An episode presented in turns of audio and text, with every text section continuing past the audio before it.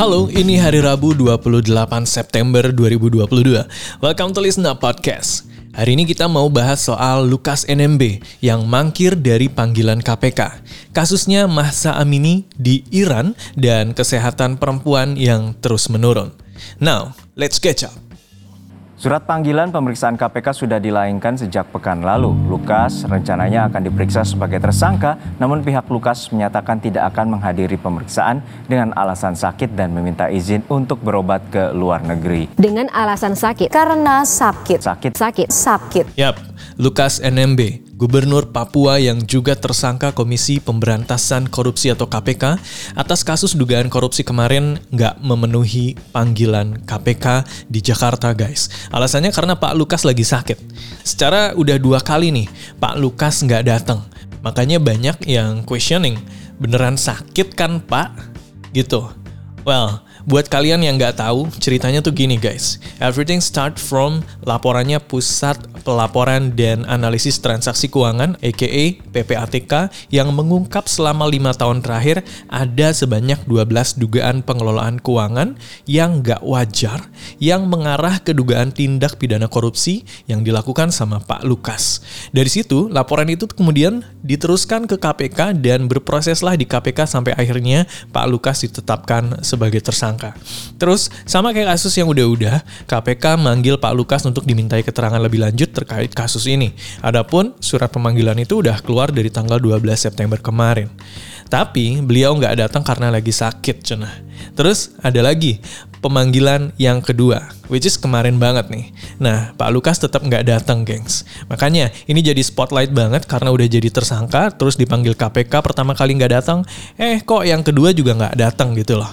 Presiden Joko Widodo bahkan sampai angkat suara. Pak D bilangnya begini. Saya kira proses hukum yang ada di KPK semuanya harus menghormati. Semua sama di mata hukum. Dan saya sudah sampaikan juga agar semuanya menghormati panggilan dari KPK, menghormati proses hukum yang ada di KPK. Semuanya. Ya. Meanwhile, dari pihak Pak Lukas sendiri melalui kuasa hukumnya Stefanus Roy Rening, pihak Pak Lukas menyebut mereka sangat menghormati konsernya Jokowi atas kasus ini. Lebih jauh, Pak Roy juga menyebut itu kliennya emang beneran nggak bisa memenuhi panggilan KPK karena lagi sakit guys. Dan sekarang masih dalam proses penyembuhan. Jadi maksudnya tuh ya biarin Pak Lukas recovery dulu, biarin sembuh dulu dari penyakitnya. Kalau udah sehat, baru deh guys bisa mengikuti proses hukum yang lagi berjalan berjalan di KPK related to kasus ini. Nah, masih dari pernyataan Pak Roy. Lukas NMB memang ada penyakit. Adapun penyakit yang diidapnya antara lain kebocoran jantung, diabetes, tekanan darah tinggi sampai gejala gangguan ginjal. Jadi for now, Pak Lukas harus menstabilkan kondisinya dulu dan nggak boleh stres berlebihan. Kalau dipaksain datang, takutnya bakalan makin parah penyakitnya. Lebih lanjut, dia bilang gini, salah satu syarat untuk dimintai keterangan kan harus sehat. Kalau sakit, gimana mau datang? Katanya gitu. Kalau kata kuasa hukumnya sih dua minggu lagi guys. Well, publik kan banyak yang nggak percaya ya kalau Pak Lukas nih beneran sakit. Masyarakat ngiranya tuh akal-akalan doang biar mengelak panggilan KPK. Dari sini langsung diulti dong sama sang kuasa hukum yang bilang pihaknya lagi berdiskusi supaya Lukas NMB bisa diperiksa langsung oleh tim dokter KPK. Biar benar-benar bisa membuktikan nih ya beneran sakit atau enggak beliau. Masih di rumahnya di Papua, kamu harus tahu nih guys, buat kelancaran proses penyidikan terhitung sejak tanggal 7 September kemarin sampai tanggal 7 Maret 2023 mendatang, Lukas NMB udah dilarang bepergian ke luar negeri untuk alasan apa pun. Makanya kemarin beliau mau ke Singapura buat berobat juga nggak bisa, karena imigrasi juga nggak nge-proof rencana perjalanan beliau atas permintaan KPK. FYI, apart from dugaan korupsi yang dilakukan, kuasa hukum Lukas NMB menyebut ada utusan Jokowi yang pernah ketemu Pak Lukas di Jayapura Desember tahun lalu.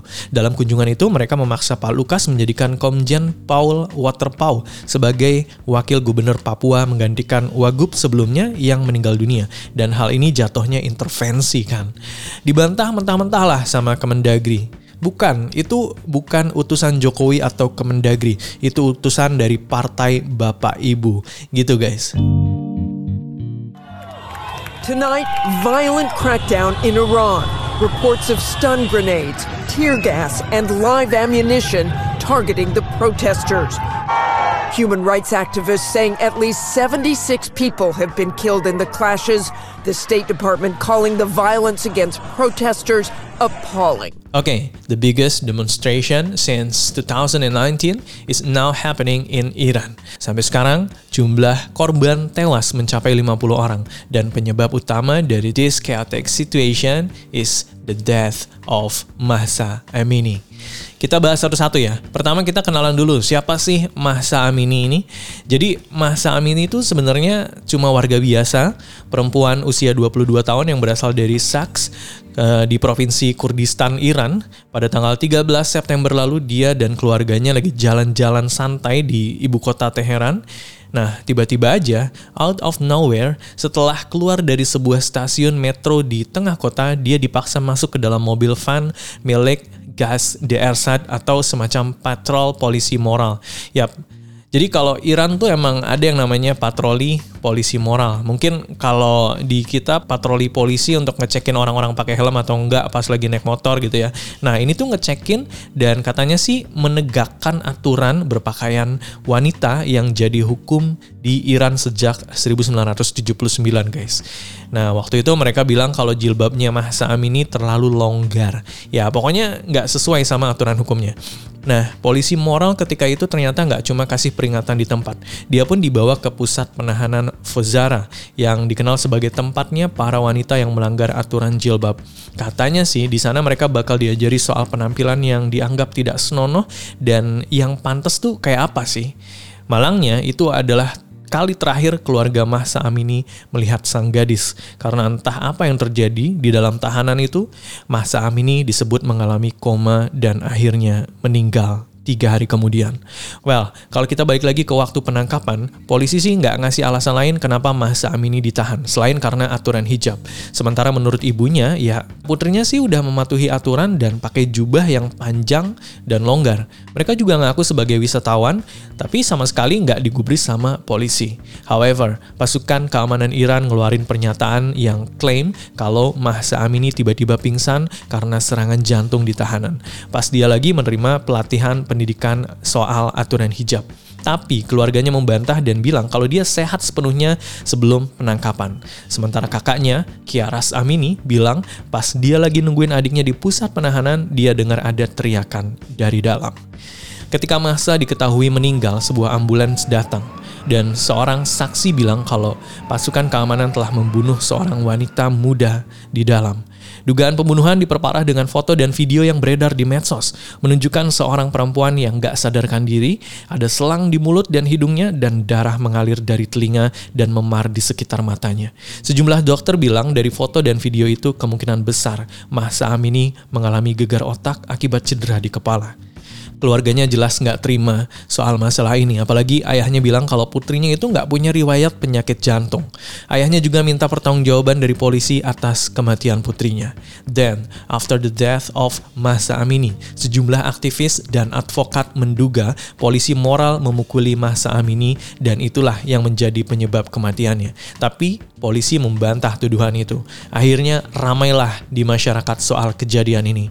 Semua orang, literally dari orang biasa pejabat, ulama, selebriti, sampai atlet ikut kasih respon soal kejadian ini dan mengecam kematian Mahsa Amini. Nah, dari situ dimulailah segala kekacauan di kota-kota Iran. Aksi demonstrasi dimulai pada 17 September 2022 dan akhirnya menyebar ke lebih dari 80 kota di Iran. Dari informasi terakhir, sedikitnya 50 orang tewas akibat bentrokan antara masyarakat dan pasukan keamanan. Protes ini udah masuk ke hari ke-8 setelah Amini dilaporkan meninggal dunia. Menurut informasi dari Iran Human Rights atau IHR, pihaknya menyorot soal kematian di wilayah Kurdistan yang ternyata kampung halamannya, Amini. Apart from the demonstration itself, pemerintah Iran sudah ngeblokir WhatsApp dan Instagram sejak aksi demo semakin meluas. Kayaknya sih ini upaya pemerintah untuk mengekang aksi protes yang makin meluas, sekaligus membungkam para demonstran. Bye-bye, democracy. Menurut peneliti pengawasan cyber di University of Twente, Belanda, Azadeh Akbari, dia bilang kalau sosial media emang punya impact gede banget untuk memobilisasi pengunjuk rasa. Mereka biasanya bikin strategi sampai koordinasi pertemuan lewat aplikasi semacam itu reacting to the demonstration. Presiden Iran Ibrahim Raisi bilang kalau demonstrasi harus ditindak dengan tegas. But things are getting worse ketika protes dari pihak yang pro pemerintah mulai kuar-kuar kalau pelanggar Al-Quran juga harus dieksekusi. Akhirnya, keadaan semakin chaos dan berantakan. Well, well, well. Ada yang dipaksa pakai jilbab, ada yang dipaksa buka jilbab. But the end of the day, it's about women basic right to choose whatever they want to wear. Right? Oke, berita yang terakhir, yang ketiga, soal kesehatan perempuan. Iya guys, mengkhawatirkan banget. Jadi menurut penelitian yang dilakukan oleh perusahaan teknologi kesehatan Halogic, ditemukan bahwa kondisi kesehatan perempuan secara global di tahun kedua COVID-19 ini memburuk dan menghadapi banyak tantangan. Hal ini kalau dibandingin sama tahun sebelumnya di tahun 2021, di mana skor Global Women's Health Index ada di angka 53. Menurun juga dari tahun sebelumnya di tahun 2020. Untuk melakukan penelitiannya ini, Halogic bekerjasama dengan lembaga survei Gallup dan mengakses kesehatan perempuan dari lima kategori, kesehatan umum, pencegahan, mental health, keamanan, dan kebutuhan dasar kayak makanan dan tempat tinggal. Hasilnya, negara yang mencetak angka layanan paling tinggi adalah Taiwan, Latvia, Austria, dan Denmark dengan skor 70 saja. Meanwhile, negara paling rendah pelayanannya adalah Afghanistan, Kongo, dan Venezuela di angka 40. Jadi guys, emang kondisi pandemi ini memberikan efek terhadap kesehatan yang lebih berat pada perempuan daripada laki-laki. Dalam survei ini ditemukan bahwa perempuan lebih stres, anxious, dan worry atas efek COVID-19 dibanding laki-laki. Mereka juga lebih banyak jawab nggak punya duit dibandingkan laki-laki dari segi ekonomi.